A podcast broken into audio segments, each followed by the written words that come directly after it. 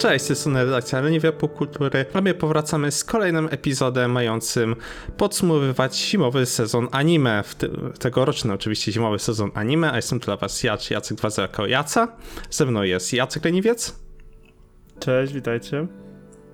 i Kamila. Hej, hej wszystkim. A dzisiaj zabraliśmy dla Was aż 8 serii, o których chcemy powiedzieć. Między innymi będzie to podsumowanie już całego sezonu Jujutsu Kaisen. Pojawi się też 2-3 zdania o ReZero. Możecie także liczyć na parę słów o Dr. Stone. I mm, z tego co widzę na liście, mamy właśnie na pierwszym miejscu tego, co chcemy tutaj omówić, wspomniane już Jujutsu Kaisen. I dobrze, drodzy Państwo, to którzy z Was oglądali właśnie tą serię i chcą na początek właśnie coś o niej powiedzieć? Ja, ja chcę, wybierz mnie, panie, wybierz trójkę. Też podnoszę rączkę, Dobrze, ale skoro już podniosłeś rękę, to Pierwszy byłem. No dawaj, dawaj, nie krępuj się. Ja chciałem powiedzieć, teraz się trochę stresuję, ale ja chciałem powiedzieć, że ta seria była piękna. Te animacje walki były tak wspaniałe, mój Boże. Nie wiem, mógłby se konia do tego walić, one były takie dobre. To tak, to chciałem powiedzieć o Jujutsu Kaisen. Okej. Nie, ale tak e, będąc e, faktycznie szczerym i zgodnie z prawdą, animacje w Jujutsu, szczególnie w tej e, drugiej połowie serii, kiedy oni już tam z e, tymi przekrętymi e, przekrętymi klątwami, z tymi specjalnymi klątwami walczyli braciszkowie dwóch, to jest naprawdę wryło mnie w fotel czy tam w kanapę, na czym leżałem wtedy przy oglądaniu, bo było kozak. Widać, że dużo budżetu wprowadzili w stronę graficzną. E, I to nie ma się co dziwić, że seria taką popularność zbiera, bo strona graficzna jest wow, robi wielkie wrażenie. Ale sądzę, że tutaj nie tylko strona graficzna robi robotę, bo że sama historia jest naprawdę świetne tempo prowadzenia historii. Ani, razu się praktycznie nie, nie nudziłam w trakcie seansu. Główni bohaterowie też są naprawdę interesujący.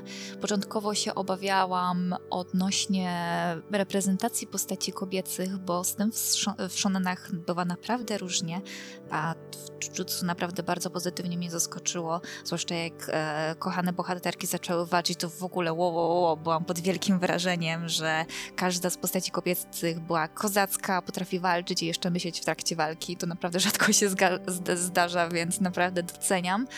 Właśnie protago- protagoniści, każdy miał swoją, swoją historię, każdy dąży do czegoś, ma jasno określony cel i interakcje pomiędzy na, trójką naszych protagonistów, czyli pomiędzy Yuji, Megumi, Monobaru, no po prostu za każdym razem po prostu umierałam ze śmiechu, e, zwłaszcza kombinacja Yuji Nobara. Nie wiem, czy się ze mną zgodzicie, ale Yuji Nobara to po prostu BFF.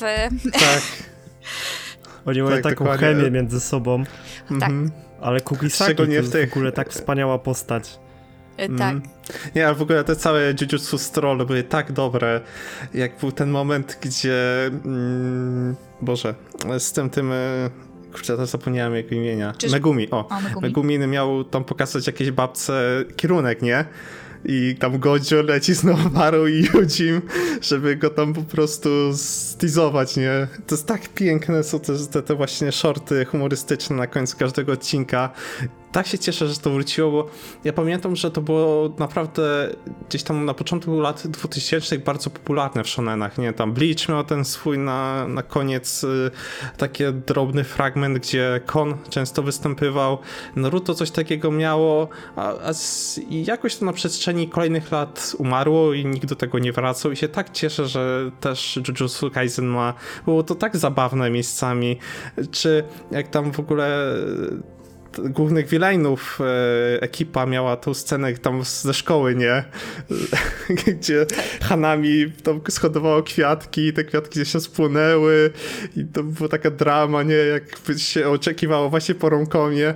No, tak to lubiłem. Ogólnie całe anime było tak świetnie zrealizowane, o czym już Jacek wspominał, strony technicznej, że to był jeden z najlepszych shonenów chyba ostatnich lat, który trafił na małe ekrany pod tym względem w żadnym stopniu moim zdaniem nie ustępuje e, Demon Slayerowi, a miejscami według mnie stoi nawet troszkę poziom wyżej, bo poza tymi scenami, które najczęściej zostały powtarzane z, Kime, powtarzane z Kimetsu no Yaiba, najczęściej się tam gdzieś przewijały, to moim zdaniem takich fragmentów Jujutsu Kaisen ma więcej. Szczególnie to, to jest rzeczywiście z drugiej połowy. Jak Todo jeszcze wszedł i jego współpraca z Yujim, to było mła. Oj tak, to było naprawdę mistrzostwo świata. Przynajmniej dla mnie. Szczerze, E, tak, Jacek, chciałeś coś powiedzieć? Mogę? to się wytnie. No, tam szczerze, szczerze, szczerze, przepraszam, ano, tak, bo tak mruczysz od pewnego czasu, więc nie krępuj się. szczerze powiedziawszy, jak tak wspomniałeś o Kimetsu no Yaiba, to ja bym akurat Jujutsu wstawił właśnie półkę wyżej i to nie tylko za sam wygląd, ale właśnie za całokształt, bo moim zdaniem też fabularnie Jujutsu Kaisen miało dużo lepsze tempo, tam się cały czas coś działo i ta fabuła była wciągająca, nawet jeżeli to były takie w pewnym sensie troszeczkę schematyczne, e, schematyczne rozdziały, jak na przykład ta walka między szkołami, nie? To jest e, taka walka między dwoma, powiedzmy, szkołami, gildiami, zespołami, to jest nic nowego, e, ale tutaj na przykład też z fajnym twistem wlecieli, że e, antagoniści z kolei, tak jak w Boku no Hero, oni też nie śpią, tylko potrafią się wbić właśnie w jakiś taki trening e, i też namieszać. To jest fajnie, że Jujutsu właśnie wzięło to, wszystkie te takie najlepsze cechy e, shonenów z ostatnich lat i to połączyło w jedno. I nawet stworzyli gdzieś tam postacie, gdzie fanki się ra- jarają, nawet jak to jest shonen. Mhm. nie? Mamy to Tak. którego kocha każda dziewczyna. Nie, to co się działo na Twitterze, jak Gojo odsłaniał swoje oczy, to Gojo, było po przepraszam, prostu... nie ghetto.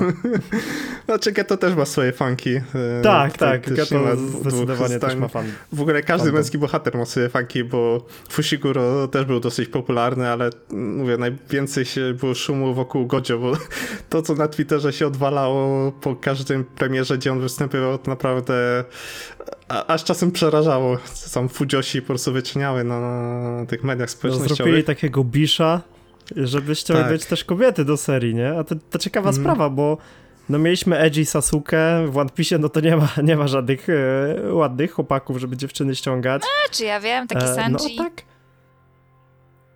No, No, czy ja wiem, Sanji, który Dobra, się zamienia w jakąś karykaturę, Dobrze, to Zoro. jak zobaczy kobietę.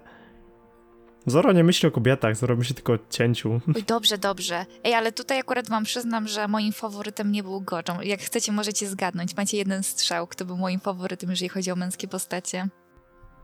Ale jeden na głowę. Tak. Dobra, sta, Mm. strzelaj Jaca. Proszę, Inu? Nie, E, Ten, co gada... e, nie. Dobra, to Kurde, był ja ja wykorzystałem właśnie swój chciałem- strzał. Chciałem w jego strzelić, no to nie wiem, panda. Nie. Uwaga, uwaga, werb... poproszę o werble. Drrr. Nanami. Du, du, du, du, du, du, du. A, okej, dobra. Okej. E, To jest ten taki poważny, co pracował jako finansista. Tak, jego... A, te, on jest hot. Ej, dobrze, ale chodzi mi hotuwa. o to, że ja też się z nim utożsamiam na poziomie pracy w korpo. Jakby ja doskonale go, ja go doskonale rozumiem, że nie bierze się nadgodzin, że trzeba szanować swój czas pracy. Mhm. Tak, mój, mój Dokładnie. ziomeczek. Nie, bardzo fajnie w ogóle wykreowany, nie? Że, Mhm. e, że właśnie jak z nim była akcja, że on, kończyłem pracę, nara, elo, wrócę do ciebie kiedyś. Tak, ale nie, w ogóle jak fajnie tutaj działa ten system mocy, nie? Że im więcej powiesz e, o tym, jakie masz technikę swojemu przeciwnikowi i im bardziej jesteś poirytowany, czy e, stawiasz się w z, z takiej disadvantage sytuacji, tym twoje moce są silniejsze i zdobywasz większy bonus, nie? Do statystyk. To jest właśnie bardzo interesujące, jeżeli chodzi o Jujutsu Kaisen. I ogólnie to jest e, też ciekawe, ile naprawdę horrorowych e, shonenów w ostatnim czasie, że chodzi o Shonen Jumpa się pojawiło, gdzie e, no, mieliśmy tego mm, Kimetsu no Yaiba, w międzyczasie jeszcze właśnie Chainsaw Man się pojawił, jest Jujutsu Kaisen, był też zakończony Phantom Seer, który no długo nie zagościł, miał chyba tam 30 chapterów zanim go skasowali. No Teraz Manga Plusie wychodzi Monst- Monster Number 8, więc y, no tutaj trzeba przyznać, że jeżeli chodzi o horrory, to chyba w życiu jeszcze tyle ich nie widziałem na łamach Shonen Jumpa. No taki trend Tak. ostatnio się wkręcił, ale to chyba dobrze, bo fajne serie powstają dzięki temu, nie? Coś, coś innego Mhm. niż e, przez ostatnie lata obserwowaliśmy. No ja osobiście... Tak, tak, tak, Mhm. jest to zupełnie inne. Tak, sorry, chciałam tylko dodać, że ja osobiście bardzo lubię takie horrorowe klimaty, więc no dla mnie to jest raj na ziemi. I wbrew pozorom jeszcze w Jujutsu Kaisen główny bohater, protagonista wcale nie jest najgorszym bohaterem. E, coś dziwiło, bo ja przeważnie no w takich seriach to błyszczą te postacie poboczne, e, a tutaj e, Itadori też całkiem daje radę. Da się go lubić, nie jest jakoś wkurzający. Faktycznie gdzieś tam myśli i rozwija się w takim, powiedzmy, że odpowiednim tempie, bo e, w pewnym momencie tam power scaling e, to poszybował. E, Wiecie, o który moment mi chodzi, jak on zaczął tego, te black fisty używać. Mhm, mhm. No to tam power scaling moim zdaniem troszeczkę za bardzo poszybował do góry. Ale No. ogólnie jako protagonista jest całkiem przyjemny. Mhm. Z tego co kojarzę, kolejne arki, to nie chcę spoilerować, ale naprawdę czekam na drugi sezon, bo tam się dopiero rzeczy będą działy. No i będzie też film, nie? Prequel ma się pojawić końcem roku, y, który ma zaadaptować tak zwany Vol Zero, gdzie mamy poznać wcześniejszego protagonistę przed Yudim, który właśnie był takim proto e, tej serii, czyli Yute i też na to bardzo czekam. Ogólnie mapa tak załatwiła po prostu tę adaptację i cały zeszły rok, co nie mieli, to, to głowa mała z y, Dorohedoro, później właśnie Jujutsu Kaisen, w tym roku znowu mają Jujutsu Kaisen końcówkę, tam gdzieś y, na kolejnych y, latach właśnie się Chainsaw Man kryje w w lecie chyba nawet mamy dostać preview do Chainsaw Man, o ile dobrze tak. kojarzę, jak ma Tak. być impreza z okazji dziesięciolecia mapy. No więc mam nadzieję, że tylko ich prac- pracownicy nie będą zajechani, bo to jeszcze oczywiście dochodzi do tego finał sezon, finał całej serii Attack on Titan, nie? Też ma się pojawiać w przyszłym roku na um, zimę. I Zombieland Saga, więc która teraz wychodzi. są zarobieni. No, no. Naprawdę dużo serii mają, ale kurczę, trzeba przyznać, że udaje im się jakoś to trzymać w ryzach, nie? Nie ma tej samej Warto sytuacji, dodać, co... Puf, mów Jacy. Nie, Nie, chciałem tylko dodać, że nie ma tej samej sytuacji, co przy JC Staff, jak było z One Punch Manem, czy jak obecnie jest e, z House Husband na Netflixie. Gdzie oni po prostu mają tyle serii, że nad niektórymi pracuje ze trzy osoby na krzyż i później to wygląda tragicznie. Dobra. No, ja chciałem tylko zauważyć, że już w maju wychodzi manga na polskim rynku od wydawnictwa Waneko. Pierwszy tom ma się pojawić, tam e, wyjdzie też e, prequel w tej serii, więc e, jeżeli będziecie tęsknić za anime, no to koniecznie sięgnijcie po mangę. Ona też pojawi się na naszej stronie, a może i na YouTubie. Zobaczymy. Będziecie czytać? Wspierać od Waneko? To ja co pewnie nie, bo tam za granicą siedzisz. No o to chodzi. No niestety, przez to, że polskie wydawnictwa nie wydają bank cyfrowo, więc no niestety... Wydają na tym masz, na e, goglach. Tam można kupować. Oni to wydają teraz elektronicznie też. No. Tak? Trochę wolniej. A, aż muszę Mhm. zobaczyć. Nie, serio, y, z tego co kojarzę, mangi, nowości od Studia JG trafiają dosyć regularnie na ich Yatta Readera. Waneko z trochę... No co jest głównym? Może, nie, wy- może nie poruszajmy tego tematu teraz, ale Waneko również swoje tytuły udostępnia właśnie na sklepie Google. Już Mhm. nie pamiętam jak, I JPF też. tak, nie wiem jak to wygląda z nowościami, ale sądzę, że na pewno warto się z tym zapoznać, jeżeli ktoś mieszka za granicą Okej. albo woli wydania elektroniczne. Okej, no to teraz mnie zaskoczyliście i to jest coś, co na pewno sobie z wolnej chwili sprawdzę, żeby wspierać ten polski rynek mangowy. Ale zostawiając już Jujutsu Kaisen za nami, oddaję wam głos w sprawie Salsa Work sezon drugi, bo też widzę, że chyba oboje to oglądaliście, więc zdecydujcie, kto będzie mówił pierwszy. To co? To co, 3 po 3 Tak, robimy? Trzy po trzy, ale co teraz? Ty pierwsza. O nie, dobrze, wygrałam. Y, To tak, drugi sezon Hataraku Saibo. Pierwszy sezon no, podbił moje serce uroczymi animacjami, walorami edukacyjnymi, właśnie miłą warstwą e, graficzną, więc no czekałam mimo wszystko na ten drugi sezon jako taki miły przerywnik od e, na przykład horrorowych czy bardzo dramatycznych serii w stylu e, Jujutsu Kaisen, czy ReZero, czy Beastarsy, więc to była taka miła odskocznia. Em, osobiście bardziej przypadła mi do gustu druga seria jakby z tego uniwersum Hataraku Saibo Black, która wychodziła równolegle, bo jakoś ten drugi sezon Hataraku Saibo mimo nie wiem, Jacek, jakie ty masz zdanie na ten temat? Nadal było sympatycznie, nadal utrzymywało poziom, ale miałam wrażenie, że było troszkę nudniejsze niż pierwszy sezon. Nie wiem, jak, on, jak ty odbierasz ten kolejny sezon. Ja przede wszystkim zostałem zaskoczony tym, że ma tylko 8 odcinków. E, Jak dobrnąłem do tego ósmego, to miałem takie, no dobra, dziewiąty. Gdzie jest dziewiąty? Gdzie mogę znaleźć, nie? Wchodzę jedna strona, druga, trzecia, torenty, mówię, nigdzie nie ma. I mówię, o co chodzi? Nawet wklepałem w Google, kiedy będzie premiera dziewiątego, ale się okazało, że to już jest koniec serii. Na ośmiu odcinkach, dość nietypowy ruch. Szczególnie, że poprzednia miała 12 chyba odcinków, nie? Czy, trze- czy 13 Tak nawet. taką klasyczną E. e, liczbę odcinków jak E, na tak. serię.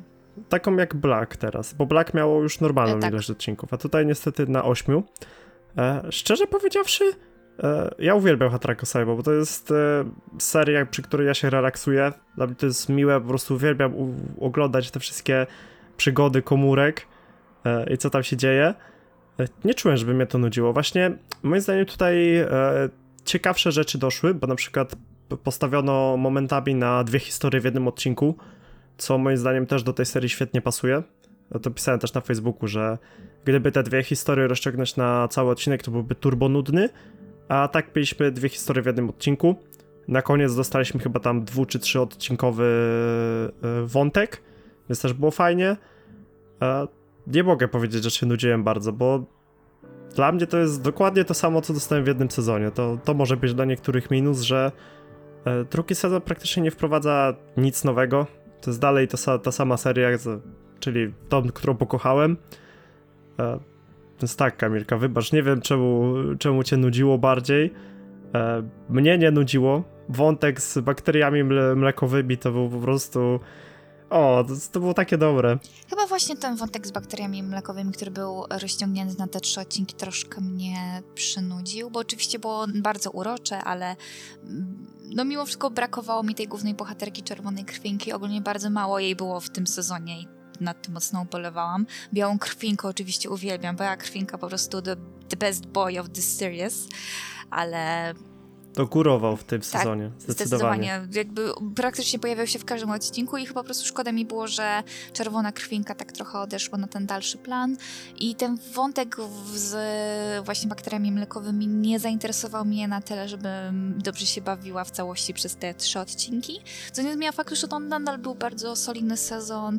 Nadal dowiedziałam się bardzo dużo na temat funkcjonowania ludzkiego ciała, co też było plusem. Było bardzo dużo uroczych komórek bardzo uroczej animacji i dużo rozlewu krwi w bardzo uroczy sposób. Też bardzo komediowy sposób.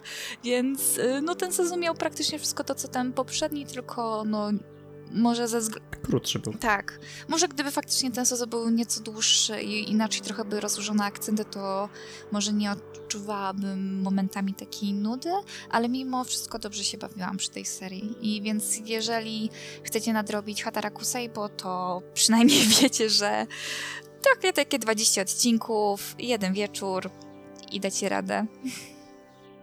Tak, i no ja czułem mały niedosyt, niedosyt po tych ośmiu odcinkach. A nie wiem, czy też zauważyłaś ciekawą klamrę, bo tak jak pierwszy sezon kończył się e, wątkiem z komórką rakową, takie drugi się kończy wątkiem z komórką rakową. Tak. y, y, Stwierdziłam, że może nie warto o tym wspominać, bo to już trochę wchodzi w, w sferę spoilerową. Ale tak, to była taka. No, kto miał obejrzeć, to już obejrzał. No nie oszukujmy No się. wiesz co?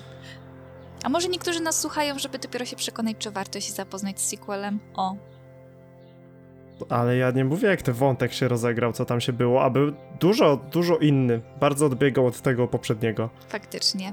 Byłam zaskoczona niektórymi ruchami, które się pojawiły w tym wątku. Chociaż osobiście uważam, że ta walka była nieco zbyt rozciągnięta. O, może dlatego czułam momentami nudę, że niektóre wątki były zdecydowanie zbyt rozciągnięte w czasie i mogli je troszkę szybciej ukrócić. O, chyba dziękuję. Dzięki przytoczeniu wątku z komórką rakową zrozumiałam, dlaczego momentami się nudziłam. Dziękuję, Jacku. Rozwiązujesz moje problemy. Odpaliłem ci jakąś komórkę pamięci w Tak. i zadziałała. Tak czy siak, no sądzę, że nadal bardzo, bardzo solidny sequel i naprawdę polecamy. Tak. Tak, nie wiem, Jacku, czy chcesz coś więcej powiedzieć na ten temat? Hataraku Saibo? Totalnie nic więcej nie chcę powiedzieć na ten temat. No to Czekam na myślę, kolejny że- sezon. Okej, Niech to no trwa do śmierci mojej. Okej, no to z takim dosyć akcentem zakończyłeś to makabrycznym. Ale e, dobra, zostawmy już e, tak, te tematy na boku i przejdźmy do Beastars. I może tutaj, skoro ja nic nie mówiłem, przy Sense at Work ja powiem e, dwa słowa. podobał mi się ten sezon. To była kontynuacja wątków praktycznie z poprzedniego, gdzie e, no, tamten zakończył się w dosyć dramatyczny sposób dla Luisa, taki dosyć przełomowy w jego życiu można powiedzieć i tak samo cała akcja ratowania Haru z rąk e, Shishingumi była także dla naszego Legosiego dosyć momentem kulminacyjnym w jego przemianie i tego co chce robić w życiu, jak zachowywać i jak wykorzystać swoją wilczą naturę. No i tutaj mamy to pociągnięte, ponieważ okazuje się, że w końcu bierzemy się z, za roki ze śmiercią Tema, kto był za nie odpowiedzialny i mamy całe śledztwo wobec tego, chociaż tak naprawdę to jest zaskakujące, że dosyć wcześnie się dowiadujemy, kim była osoba, która odpowiedziała e, za to morderstwo, która właśnie je popełniła na początku pierwszego sezonu, kiedy tak naprawdę to było taki moment wejściowy do całej serii. No i mamy dalej tutaj całą naszą kochaną dramę teenage'ową, gdzie no, mamy niepewnego siebie Legosiego, który nadal jest taką ciepłą bułą, ale stara się trochę zmężnieć. Mamy nadal rozemocjonowaną Haru, chociaż już tutaj zaczyna się ten moment, gdzie ona tak naprawdę się odrobinę zaczyna odsuwać w cień względem Legosiego i Luisa. No i sam wątek Luisa, który właśnie zostaje szefem mafii, jest absolutnie cudowny. Jego relacje z Shishingumi i resztą lwów są fantastyczne, jak się tam rozwija i jego spotkanie z ojcem i później jak Legosi się w to jeszcze wplątuje wszystko, w ogóle cała przebieranka Legosiego była absolutnie fantastyczna. Mam tylko trochę problemów z finałem, który był dosyć urwany, mi się wydawało, jakby tam zabrakło jeszcze jednego odcinka, żeby to ładniej podsumować, jakieś naprawdę wprowadzić sensowny epilog do całości. Jednak ta walka robiła dużo większe wrażenie w mandze, dużo większy miała wydźwięk i, i wagę niż miałem wrażenie po anime. Jednak zabrakło jakichś tych no dosłownie tych 20 dodatkowych minut kolejnego odcinka, żeby lepiej to zakończyć. Tu jednak miałem to, to wrażenie urwania i wrażenie, że no jednak czegoś zabrakło, gdzie jednak w pierwszym sezonie, gdy Louis parował z tym pistoletem i jak Legoshi miał swoją akcję z Gwinem e, ratowania Haru, tak tutaj ta walka w finale już takiego wrażenia na mnie nie zrobiła. Ale ogólnie sezon mi się bardzo podobał i to jest nadal to jest samy rewelacyjny Beastars, tak samo rewelacyjnie zanimowany 3D i muzyka i w ogóle cały artystyczna strona tego anime są fantastyczne. Szkoda, że też opening nie był powtórzeniem z pierwszego sezonu, gdzie postanowiono skorzystać z animacji poklatkowej. Tu mamy bardziej standardowy opening, ale ending jest absolutnie fenomenalny z tym rysowaniem długopisem i e, tu mi się podobał absolutnie. Ja jestem ogólnie zadowolony poza finałem. To jest, to jest moje zdanie, tu wiem ja, Jacek 2.0 i oddaję głos Kamili. Wow, się odniosłeś się do tylu rzeczy, że aż nie wiem od czego zacząć, więc może zacznę od ostatniej rzeczy, którą pamiętam z twojej wypowiedzi, czyli o openingu i endingu. E, w ogóle e, za oba muzycznie było odpowiedzialny, to jest chyba zespół Yoasobi, tak, to jest chyba zespół, ale znaczy ja muzycznie nie mam nic do zarzucenia. Bardziej chodzi, jeżeli o opening, to szkoda, że nie zdecydowali się tak jak w, poprzednim, w poprzedniej osłonie na użycie animacji, która jest bardziej nietypowa dla anime, nie? No, to jest po prostu jeden mój zarzut. Ale z drugiej strony jakby sam opening też graficznie bardzo mimo wszystko ładnie wyglądał, jakby dobre tempo też e, dostosowane do muzyki. Sam ending jest przepiękny i jest jednym wielkim chodzącym spoilerem, a przynajmniej dla osób, które wiedzą o co chodzi to tak, ten ending jest jednym wielkim spoilerem.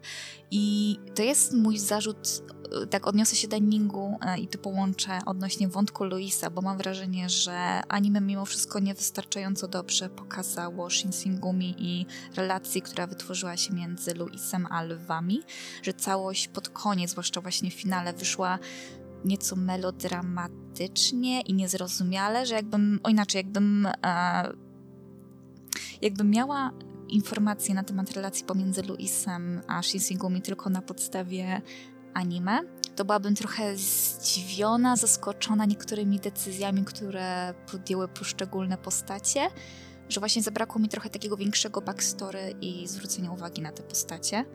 Już naprawdę ten ending dał mi większą dawkę emocjonalną odnośnie Luisa i Górka Wodna. Jak się nazywał ten dev, z którym on tak się um, zakumplował?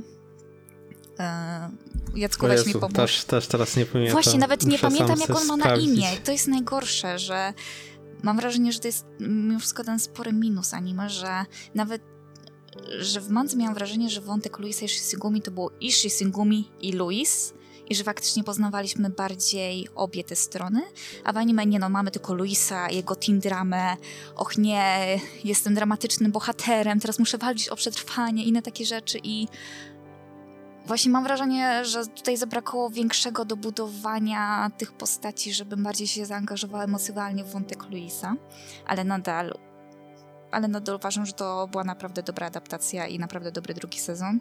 Druga kwestia, którą chciałabym poruszyć, to oj tak, e, Luis Legoshi, wybacz Haru, ale to, je, ale to jest ten moment, w którym naprawdę intensywnie zaczęłam shipować Luisa i Legoshiego w mandze. W anime jest dokładnie tak samo. Zresztą, że w Haru faktycznie troszkę zniknęła na drugi plan. I w anime to widać jeszcze dobitniej niż w mandze. W mandze dopiero tak w połowie w połowie drugiej połowy mangi. tak brzmi to dosyć zagmatwanie, ale dosyć późno się zorientowałam w trakcie lektury mangi, że faktycznie ta Haru gdzieś zniknęła. W anime to już widzę dosyć wyraźnie w tym momencie. I trochę to jest, no jest to przykre, bo mimo wszystko Haru jest dosyć interesującą postacią i no ona jest mimo wszystko głównym motorem popędowym wszystkich działań, które podejmuje Legoshi, a jej praktycznie nie ma, więc to było troszkę dobijające. Ale jeżeli chodzi o pozostałe rzeczy, za które pokochałam Beastars, no to widziałam je tutaj jeszcze dobitniej niż wcześniej. Czyli na przykład świetna muzyka, e, animacje walki też były świetne, jak właśnie, zwłaszcza jak Legoshi się uczył walczyć i testował e, nabyte umiejętności w praktyce, to było naprawdę dobrze zrobione, dobre tempo też odcinków.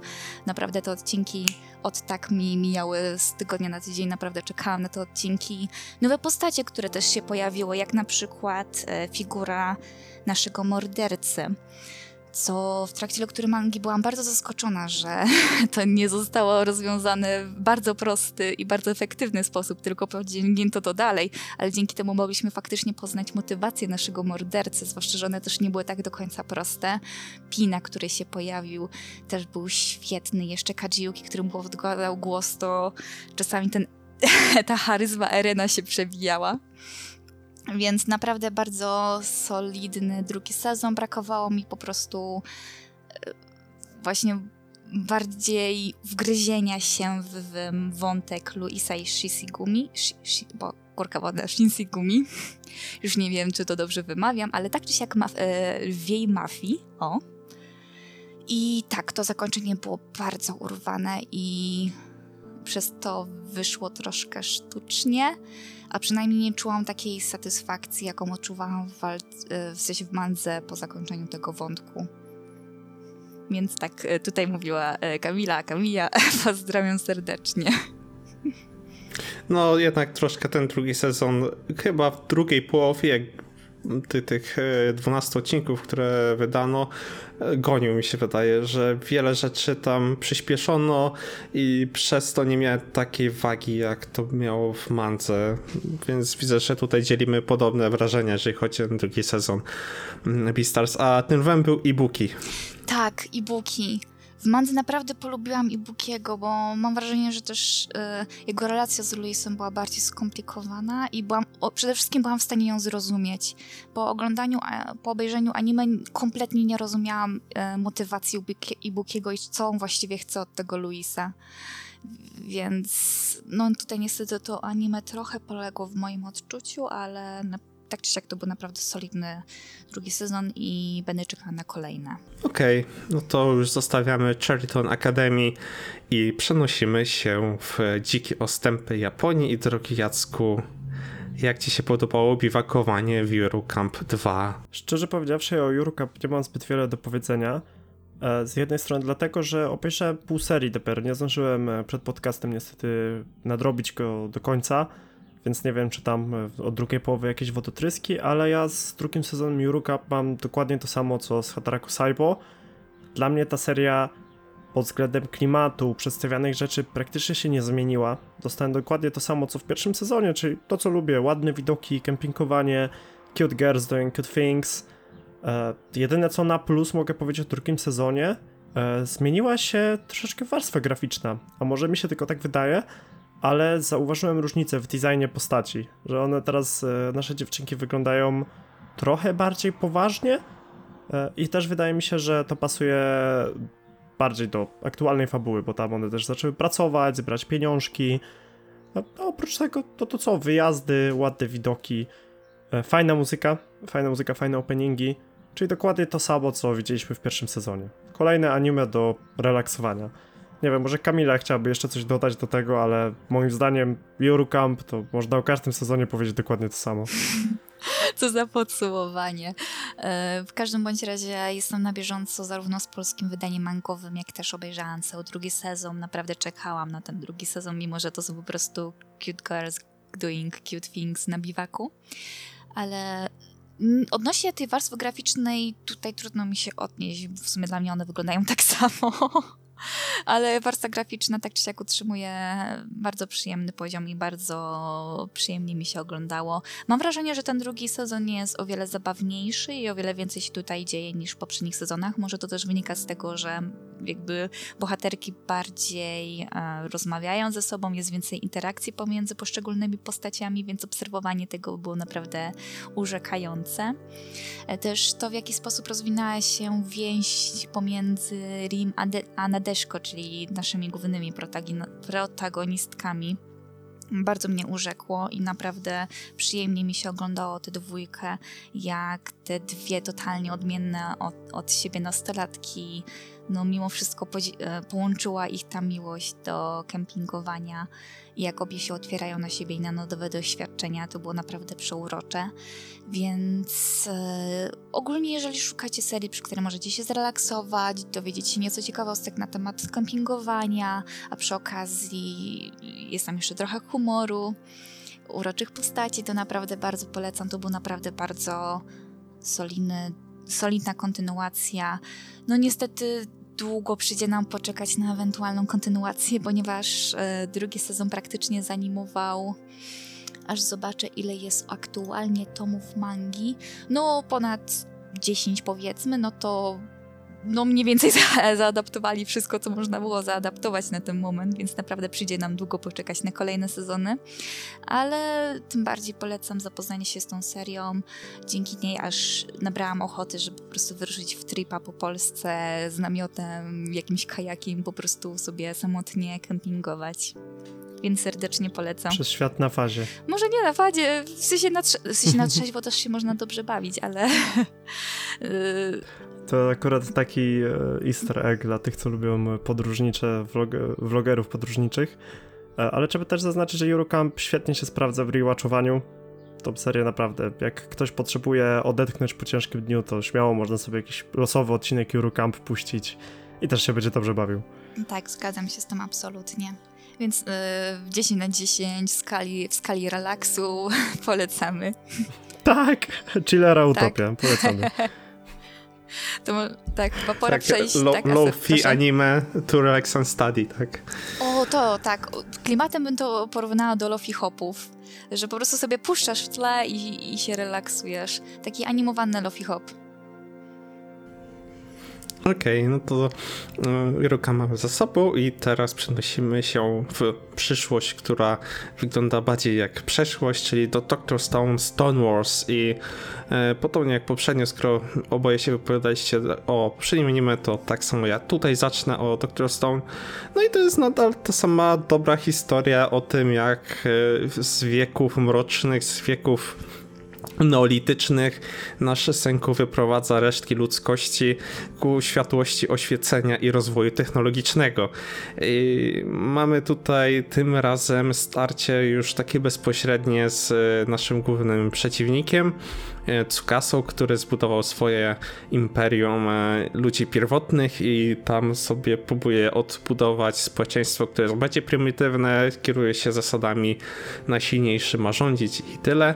No a Senku oczywiście jak to on chce przywrócić całą ludzkość e, ze wszystkimi jej dobrami i wadami i ku temu zmierza, nie? Cały czas mamy kolejne wynalazki, kolejne stopnie rozwoju, jego relacja z Chrome jest rewelacyjna, Kohaku też jest świetna, no to jest dalej ta sama historia, nic się za bardzo aż dramatycznie nie zmieniło, poza samym finałem, gdzie no dużo mieliśmy więcej emocjonalności, dużo więcej mm, akcji było też, gdzie no, no już mieliśmy to główne starcie tego sezonu i Poza tym naprawdę mi się to podobało pod względem historii. Niestety mam sporo do zarzucenia, jeżeli chodzi o warstwę animacji, bo to anime wygląda naprawdę średnio.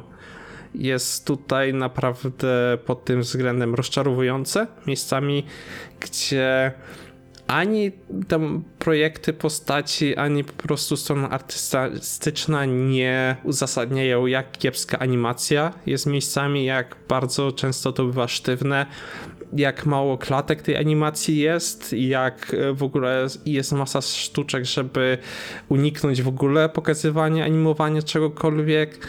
I jest to bardzo rozczarowujące moim, moim zdaniem, gdzie no jednak o ile byłem w stanie na to przymknąć oko w pierwszym sezonie już na etapie drugiego sezonu jestem tym bardzo, bardzo rozczarowany i naprawdę chciałbym, żeby w końcu jednak TMS Entertainment wzięło się porządnie, tym bardziej, że to jest naprawdę popularne anime i popularna w ogóle manga i jej adaptacja naprawdę zdobywa dużą oglądalność, więc naprawdę nie rozumiem skąd te oszczędności, jeżeli chodzi o techniczną stronę tego i kurczę, no, Jacku, to jest... to nie hmm? zauważyłem w ogóle, żeby tam jakakolwiek biedna animacja była. Nie no, ale jak Kompletnie wiesz, oglądasz... nie rzuciło mi się w oczy.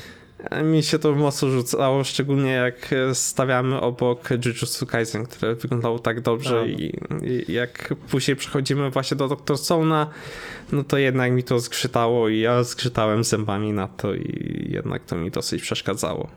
Ale tak poza tym, no mamy powrót yy, i Taiju, yy, którzy no, są fajnym dodatkiem, gdzie na początek yy, Taiju rzeczywiście mógł trochę irytować, ale jako członek szerszej ekipy i większej grupy osób sprawdza się znakomicie mm, i w ogóle cały konflikt był super i jak to rozwiązano też mi się bardzo podobało. No pod tym względem, jeżeli chodzi o charaktery postaci, to jak je prowadzono, ja jestem bardzo zadowolony i ja cały czas uważam, że no to jest jeden z lepszych shonenów, jakie wypuściło, y, wypuścił Jump w ostatnich latach, więc no tutaj no, no ciężko było to spierniczyć. No niestety, jak wspominałem, mam swoje problemy po tym z względami i to jest tyle, co chciałem powiedzieć. Okej, okay, Jacku, ty w ogóle oglądałeś drugi sezon Doktora Stone'a, czy nie? Tak, ja? ty. Tak, oczywiście oglądałem. Nawet pisałem na fanpage'u o nim. O. Dla naszych wiernych e, czytelników. Tak widać, dużo osób ogląda, nikt nie chce pisać. Widzicie, jak widzicie, słuchacze, czytelnicy, jak oni was szanują. Tak, dokładnie. Tragedia. No jeżeli chodzi o warstwę animacyjną, to powiedzmy, że mam podobne zdanie co nasz ukochany szef, że, e, że w sumie nie zauważyłam, żeby była jakoś wyjątkowo kiepska. Powiedziałabym, że była w porządku jak na standardy animacyjne, chociaż ja, jeżeli chodzi o takie kwestie animacyjne, to nie jestem aż taką, aż tak na to nie zwracam uwagę, bardziej zwracam właśnie uwagę na aspekt muzyczny i na przykład e, czołówki, zarówno czołówka, jak i ending bardzo mi się podobały w tym sezonie. Opening i ending były naprawdę sympatyczne. O ja, ja tak bardzo nie lubię tego openingu. Ten opening był okropny. O. O, dla mnie bardzo pasował klimatem. Ending był do... super, nie? Ale opening mi się zupełnie nie podobał i ja się zresztą śmiałem tam na, na konfie, że najbardziej, emocjonalny, najbardziej emocjonalnym, najbardziej takim hypowym momencie w anime użyto openingu z drugiego sezonu. Drugiego openingu z drugiego sezonu był najlepszy, nie? I nawet w studiu sobie zdawali z tego sprawę i jak użyli tam, żeby zobrazować tam muzycznie tą scenę.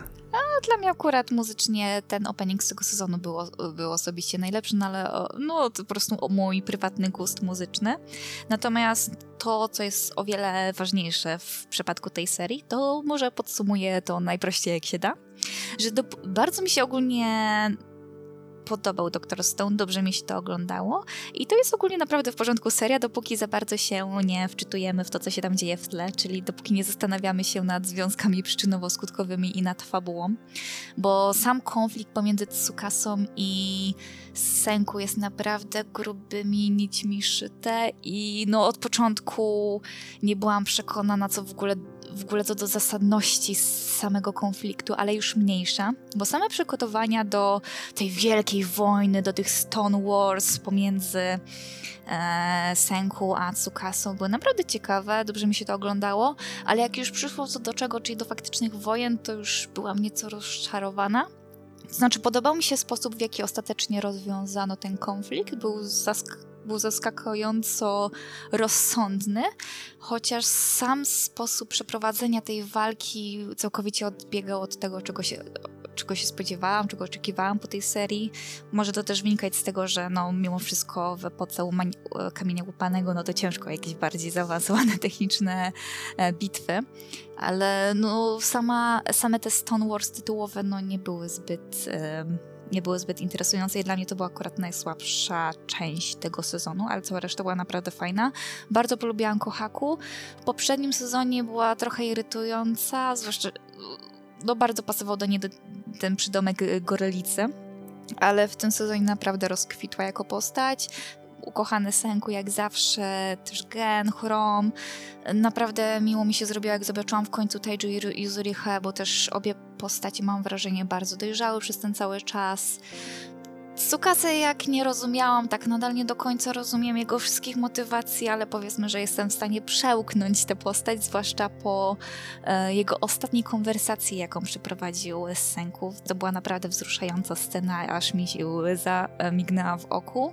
Więc generalnie to był naprawdę no, to był naprawdę sympatyczny drugi sezon. Będę czekała na kolejny jako, taką, jako taki luźny shonen, przy którym po prostu mogę dobrze spędzić czas, zwłaszcza, że tempo tych odcinków było naprawdę dobre. Nie wiem kiedy, nie wiem nawet kiedy nadrobiłam te wszystkie 11 odcinków, bo już to oglądałam po zakończeniu całego sezonu, czyli tak wszystko na raz. Połknęłam te odcinki chyba w dwa dni, więc yy, to już dużo świadczy o samej serii. Ogólnie uważam, że dobry, dobry sequel, chociaż bez fajerwerków. Tak. Tak. tak. Czy mogę teraz ja? Tak, może, tak możesz teraz ty, pozwalam. Dziękuję bardzo. E, tak więc ode mnie, no co, mieliśmy Redemption, Ar Redemption Arc Tsukasy i on był i tu można postawić kropkę, był i dobrze się skończył, bo moim zdaniem e, Dr. Stone dopiero będzie rozkwitał, że najciekawsze rzeczy to właśnie teraz, jak już się przeszła ta paplanina z Tsukasą, ta głupia wojna, to, e, to teraz będą ciekawsze rzeczy w mandze. E, w mandze by, były już ciekawsze rzeczy, teraz będą ciekawsze rzeczy w anime. Co do drugiego sezonu, no moim zdaniem Chrome tutaj błysk, błyszczał. To jest e, MVP sezonu, moim zdaniem. Naprawdę świetnie, świetnie się rozwinął, świetnie się go obserwowało. Szczególnie jak zaczynał używać e, szarych komórek. E, nie był tylko gdzieś tam komediowym aspektem i gdzieś tam w cieniu Senku stał, tylko widać, że już jest prawdziwym obywatelem Królestwa Nauki. A co poza tym, wydaje mi się, że fajnie, gdyby seria troszeczkę zwolniła. Też o tym pisałem na fanpage'u, że chciałbym zobaczyć, jak Senku e, tworzy coś, co pomoże rozwinąć życie w tej wiosce, że może nie tyle będzie jakimś tam e, technicznym e, odkryciem, gdzieś tam auta, czy inne telefony, maski gazowe, tylko coś takiego, co po prostu ułatwi życie, e, ułatwi, nie wiem, rolnictwo, e, ułatwi hodowlę zwierząt, takie bardziej przyziemne rzeczy, żeby to, ta seria troszeczkę w tę stronę poszła, zamiast tak e, gnać do przodu z wynalazkami. Teraz wiem, że statek będą budować, no to też tak troszeczkę nie będzie na to czasu, ale chciałbym zobaczyć w końcu Doktorze Stone, jak odkrywa się, nie wiem, jakieś lepsze narzędzia, żeby ta wioska się też troszkę rozwinęła, no bo co z tego, że oni wybudują jedno auto, trzy maski gazowe, jak ta wioska i tak będzie dalej w epoce kamienia łupanego, nie? Więc wolałbym skupić się bardziej na takich przyziemnych rzeczach w kolejnych sezonach. Ale drugi, drugi sezon oglądało mi się przyjemnie. E, mówię, no dobrze, że się ten ark skończył. Ta wojna była dla mnie taka. No była, była, musiała być. musiał być jakiś e, antagonista, powiedzmy. E, chociaż ostatnie sceny, kiedy jak już e, Senku robi tę minę płaczliwą, to łapie to za serce, bo jak wiadomo, Senku nie jest zbyt emocjonalny i jak się troszeczkę rozkleja, to chwytało mnie to za serce. Koniec końców wyglądało mi się to po prostu przyjemnie, bez większych wodotrysków, jak do, doktora Stone'a lubię, chętnie go śledzę, e, ale mam nadzieję, że będzie coś ciekawszego teraz w anime. I będzie. tak. To mówiłem No ja. bo już od razu Tak, zapowiedzieli, nie? Mm, Trzeci sezon, Tak. że powstaje, że ma mieć swoją premierę, nie wiem, chyba w przysz... tym czy przyszłym roku. Oj, to nie wiem. A, Potwierdzili coś, czy tylko zapowiedzieli, że ma być? Chyba zapowiedzieli, że będzie tego, że, że wrócą, nie? Że da, dalszą Mhm. część fabuły troszeczkę pokazali. Mhm, mhm, dokładnie, ale chyba dokładnie daty nie, nie, nie wspominali. Nie, ale się zgadzam, że ten ostatni finałowy odcinek był bardzo dobry. Rzeczywiście był bardziej emocjonalny i animacją był dużo lepszy niż poprzednie 10. Oj, oj nie- odpuścisz Wiem, tej że się animacji. powtarzam. Ja Nie wiem, da- że się powtarzam i, i po prostu na to zwracam, ale jestem po prostu entuzjastą te, technicznej strony też, e, tak jak są animacje wykonane, więc dlatego o tym często mi się zdarza wspominać, ale już zostawmy Dr. Stone'a. E, chyba, że jeszcze coś macie do powiedzenia. Nie, ja już powiedziałam wszystko. Chyba nie. Okej, no to ja też ponownie się zamykam, bo macie tutaj The Slime'a, e, sezon drugi i też tutaj oddaję wam głos jak przy Rukam czy Salsa at Work, więc no ja milknę i do usłyszenia za chwilę. Dobrze, to Dobra, Kamila, 3 po 3. yy, 3 po 3 trzy po robimy. trzy, działaj Jacek. Czy wygrałaś? Skurde, no jak? Dobra. E, Slime 2. Mm, Slime 2 to był bardzo sinusoidalny e, sezon, bo mam. Zawsze mam wielkie nadzieje co do Slime'a, bo ja bardzo lubię Slime'a, lubię to oglądać. To jest w zasadzie jeden z niższych isekajów, które faktycznie mogę oglądać i nie czuję, nie wiem, cringe'u i, i, i gówna na ekranie. Z tym, że Slime 2 jest bardzo ugrzecznione. W sensie to mi się wydaje tak, że e, w świecie drugi sezon, gdzie skupiał się na całych tych politycznych gierkach, e, knowaniach, planach tajnych, to główny bohater e, nie pasował totalnie do tego. On był zbyt taki, e, nie chcę powiedzieć płytki, ale zbyt łatwowierny, zbyt, zbyt protagonis- protagonistyczny. Brakowało mu troszeczkę odcieni szarości, czy nawet czerni w tej jego e, wielkiej dobroci. E, Nie wiem, czy Kamila też tak odniosłeś wrażenie. Wiem, że na pewno nie podobało ci się, e, nie podobała ci się końcówka. Tak? To tobie? E, Nie podobała się końcówka, co tam... A nie, nie, to nie mi. Mi akurat E, końcówka się bardzo podobała, bo sądzę, że To, aha, to Mikołaj mówił. Mikołaj mówił, że tam było totalnie niepotrzebna brutalność, nie? A to właśnie w moim odczuciu to, w jaki sposób e, Rimuru teraz podąża, jest coś, co na pewno będzie głównym motorem napędowym, żebym się zebrała za kolejny sezon. Tą drugą, w sumie to jest tak naprawdę, tak, to jest, czekaj, to jest drugi sezon, czy to jest druga połowa jakiegoś tam sezonu? Bo już się pogubiłam, bo strasznie krótki był ten sezon, co nie? Nie, A, drugi to po prostu drugi sezon to tylko krótki. Drugi Tak, sezon. e, na pewno będę czekała z niecierpliwością na kontynuację, bo zakończenie dosyć e, przetasowało e, szachownicę, w, zwłaszcza w przypadku Rimuru, ale też Milim i jest i, i ogólnie e, całego środowiska władców demonów, ale też świadka tego politycznego. Miał nadzieję, że nieco bardziej poruszą ten aspekt polityczny, bo tak na dobrą sprawę nie za wiele jeszcze wiemy na temat państw sąsiadujących z naszym e, królestwem potworów, któremu włada nam jaśnie paniujący Rimuru sama. Ale, ale też jestem bardzo ciekawa, w jaki sposób to, co się stało pod koniec tego sezonu, wpłynie na samego Rimuru i na jego zachowanie odnośnie swoich poddanych, ale też ludzi jako rasy i ogólnie w jaki sposób to wpłynie na zmianę przez niego polityki, o o ile w ogóle postanowi zmienić coś w swoim postępowaniu. Mam, mam wrażenie, że, że Że nie.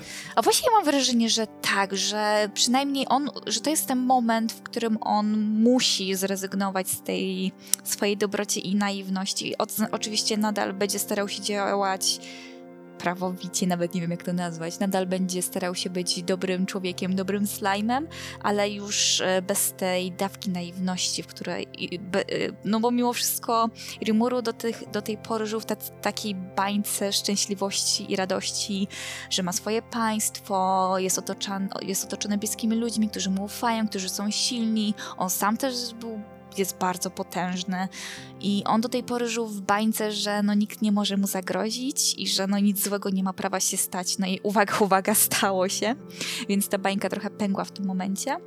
I sądzę, że Rimuru musi zmienić swoje zachowanie i mam wrażenie, że w tym kierunku zmierza ta seria. Jeżeli nie zmierza w tym kierunku, to będę mocno rozczarowana. A co ty na ten temat uważasz, Jacek?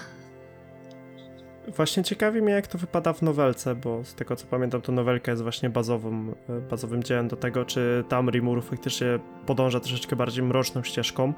On tu miał jeden moment w tym sezonie, e, miał moment, kiedy mógł odpalić tryby berserka e, i się wkurzyć i faktycznie z odpowiednią dozą brutalności zemścić się na swoich wrogach, bo to by bardzo ciekawy plot twist właśnie do całej tej miłej i pozytywnej serii wprowadziło, tak jak wprowadziło E, tak jak wprowadziła zmianę Erena w czwartym sezonie e, ataku, e, ataku Tytanów, prawda?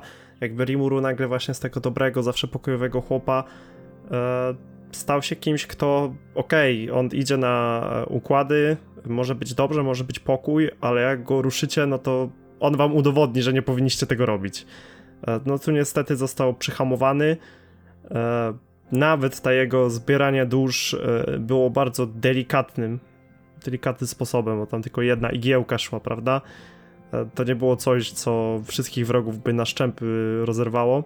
I ja na przykład czułem niedosyt trochę właśnie w tym, bo dla mnie to było jeszcze trochę zbyt mało. To jest nie na ten poziom gniewu, jaki on powinien czuć, prawda? No i też dlaczego ta seria jest taka pozytywna, to może dlatego, że tam nie ma konsekwencji z tego, co się, co się, co się działo. Bo zobacz, że cała ta, cała ta mini wojna, cały ten napad na królestwo Rimuru nie przyniósł, oprócz tego, że ewoluował, to nie przyniósł żadnych innych konsekwencji. Nikt nie umarł, wszyscy przeżyli. E, Dla mnie to nie ma, nie ma poszlak do tego, żeby Rimuru teraz stał się bardziej mrocznym bohaterem, bo tak naprawdę nic nie stracił. To znaczy, nawet mi nie chodzi, że on musi stać się koniecznie bardziej mrocznym bohaterem, bardziej, żeby wyrósł z tej naiwności i mimo wszystko zaczął myśleć o otaczających go państwach, o sytuacji politycznej, w jakim jego państwo się znajduje, o Mirim, która robi teraz bardzo interesujące rzeczy w sąsiednim kraju. Właśnie, no on nawet nie musi stawać się mroczny. Sądzę, że nie, do, nie w tym kierunku zmierza ta seria, a przynajmniej w tym kierunku autor nie chce podążać. I akurat się nie zgadzam, że ta scena, o której oboje myślimy, była za mało brutalna. Sądzę, że była wymierzona tak w punkt, y, zwłaszcza, że Mirumuru wszedł wtedy w tryb autopilota, nie wiem czy zauważyłeś, więc trudno, żeby tryb autopilota wykazywał jaki, jakąś nadmierną brutalność. Po prostu miało jedno zadanie do wykonania i wykonał je z bezwzględną precyzją, więc sądzę, że to akurat to było dosyć dobrze poprowadzone. I e, cały motyw zemsty i zdobywania dusz w, w określonym celu było naprawdę dobrze poprowadzone. Ten, ta pierwsza, po... właśnie mam wrażenie, że tak jak w twoim przypadku, że ta seria była taka sinusoidalna, e, że druga połowa była naprawdę dobra, przy pierwszej troszkę się nudziłam, a, a przynajmniej przez dłuższy czas zastanawiałam się, dokąd to wszystko zmierza, bo widziałam, że zmierza do czegoś, ale nie miałam za bardzo pojęcia do czego. To, że działania Rimuru nie niosą ze sobą praktycznie żadnych konsekwencji, z tym się też, z tym się zgadzam i to jest duży minus tej serii, że nieważne co złego dzieje się dookoła, to wszystko jakoś zawsze kończy się optymistycznie, Happy tak, endem. happy endem, a to nie tak działa. O, a właśnie, albo kończy, kończy się happy endem dla Rimuru, niekoniecznie dla jego wrogów, ale to już jest in, inna sprawa. Ale w momencie, kiedy Rimuru faktycznie zaczął ponosić konsekwencje, to no dobra, to zrobimy tutaj taki mycz, myczek, tutaj drugi taki myczek i wszystko odkręcimy. No jakby Tak. Bo on już na pewno zrozumiał, co zrobił źle, już sobie pocierpiał, to teraz wszystko musi być Tak, pięknie. albo nie? kiedy Ri- Rimuru... To, co mnie najbardziej rozbroiło od środka, to moment, kiedy Rimuru zaczął przepraszać jego podwładnych, jego bliskich, że jakby wybaczcie, to moja wina, bla, bla, bla, bla. I wszyscy zaczęli go pocieszać i przyjmować winę na siebie, mimo że to była ewidentnie wina Rimuru. Więc nawet, więc Mhm. ta seria nawet robi taki wybieg, że nawet Rimuru nie może poczuć wagi jakby poczucia winy i konsekwencji swoich czynów. Odpowiedzialności tak, odpowiedzialności. za swoje Przecież decyzje. on no. jest odpowiedzialny za całe państwo, jakby on nie może prowadzić aż takiego frywolnego trybu życia. Co nie zmienia faktu, No bo tam wtedy były jakieś interesy chyba załatwiał, nie? Gdzieś tam se w knajpie tak siedział. właśnie, jego, jego państwo umiera, a Rimuru się bawi w pubach, no ale to już mniejsza. Tak czy siak, e, kurczę, mam wrażenie, że mówimy to o każdej serii, który, o której tutaj dzisiaj mówimy, że dobrze się bawiłam przy tym drugim sezonie, ale był strasznie nierówny. I Ja liczyłem na więcej. liczyłam na, tak, liczyłam na więcej walki, Na więcej brutalności. Liczyłam na więcej intryg, o, to ja odpowiem w ten sposób. I antagoniści byli naprawdę słabi. że No, raczej nic ciekawego tam nie pokazali, bo to naprawdę pionki na planszy, które... Ale, o to właśnie, dobrze, że za- zaznaczyłaś to, bo w momencie, kiedy oni mieli już tam swoje finałowe pojedynki, to animacja to było złoto, szczególnie jak walczył ten staruszek, przepraszam, nie pamiętam jak ma teraz na imię, ale to, co tam pokazali, jeżeli chodzi o animację, to ja tak, tak szeroko oczy otworzyłem, mówię, co tu się dzieje, czy to dalej slime? Hakuro, I tak, pod, tak, podobało mi się, jak na scenę właśnie wjechał król orków i Hakuro i... E, wyjaśnili. Si- Siadajcie małe gnojki, zobaczycie co znaczy posiadać prawdziwą siłę, nie? tak, dokładnie tak. E, mam No. na... To iść do kąta, siup toporem w łeb. Tak. E, w ogóle w tym sezonie nie wiem, e, czy kojarzysz, ale jeszcze wychodzi ten Suraniki. I to jest takie bardziej slice life'owe, E, tak. obyczajowe, komediowe ujęcie slima. Z tego co czytałem, to jest bardzo pocięte. E, Nie oglądałem jeszcze, ale czytałem tam opinię u Adoniowego Gala, że, że strasznie pocięty jest ten materiał. Okej, nie znam oryginału, ale ze swojej strony mogę powiedzieć, że naprawdę przyjemnie mi się to ogląda. Takie Hera Campu, tylko isekajowe. Okej. Więc jeżeli nasi ukochani e, słuchacze macie, e, macie potrzebę jakby kontynuacji e, przygód ze slime'em, to z tego sezonu ze swojej strony polecam bardzo serdecznie ten Soraniki. I sądzę, Do tak, slajmienia do się. slajmienia. A następny sezon wychodzi już na lato Tak? chyba, nie? Albo na jesień. O, to dosyć szybko. To nie, nie było tam zapowiedziane właśnie, że... A nie, nie, nie jest to tak, że to jest jeden ten sam sezon, tylko podzielony na dwie części? To dlatego miałam wrażenie, się, że że tak jest y, którąś tam częścią całości. Tak, masz rację. E, Chyba na lato wyjdzie druga połowa drugiego sezonu, tak. Na, w sezonie letnim wyjdzie druga połowa drugiego sezonu. No i dogadaliśmy, Dogadaliśmy się. Tak więc jak się musicie doslajmić, to macie taki fajny slice of life'owy przerywnik, a my do slajma wrócimy na wakacje. I ciekawe, czy tym razem w bardziej pochlebnych słowach, czy znowu będziemy narzekać. Dobrze, to tym. y, to teraz takim Średnio miłym akcentem. tak, średnio miłym akcentem przepłyniemy do innego isekaja, który w tym przypadku to była druga część drugiego sezonu. Dlaczego oni to dzielą na e, połówki? To jest naprawdę Już to skomplikowane. tłumaczyłem. Tak, tak już, tak już pomijmy to, ale skoro teraz y, Jacku przez długi czas milczałeś, to opowiedz nam o swoich wrażeniach y, z, drugie, z drugiego partu, O. drugiego sezonu ReZero. Ja jestem zachwycony nadal tym drugim sezonem. Kurczę, jak lubiłem całą pierwszą odsłonę ReZero, tak samo druga część, ten drugi sezon kompletnie mnie rozłożył. Dla mnie to jest dużo lepsze anime niż było kiedykolwiek wcześniej. I to, co się działo, ta historia, rozwój lore, świata, to jak pozwolono nam w końcu poznać Roswalla, Betty, czy w końcu wzięto się za Emilię i w końcu nadano jej jakieś cechy charakteru, a nie tylko, że jest love interest głównego bohatera. Nareszcie ma motywację, poznaliśmy jej przeszłość, co tam się działo. Dlaczego jest e, tu, gdzie jest? E, Też te tajemnice w końcu odsunięto.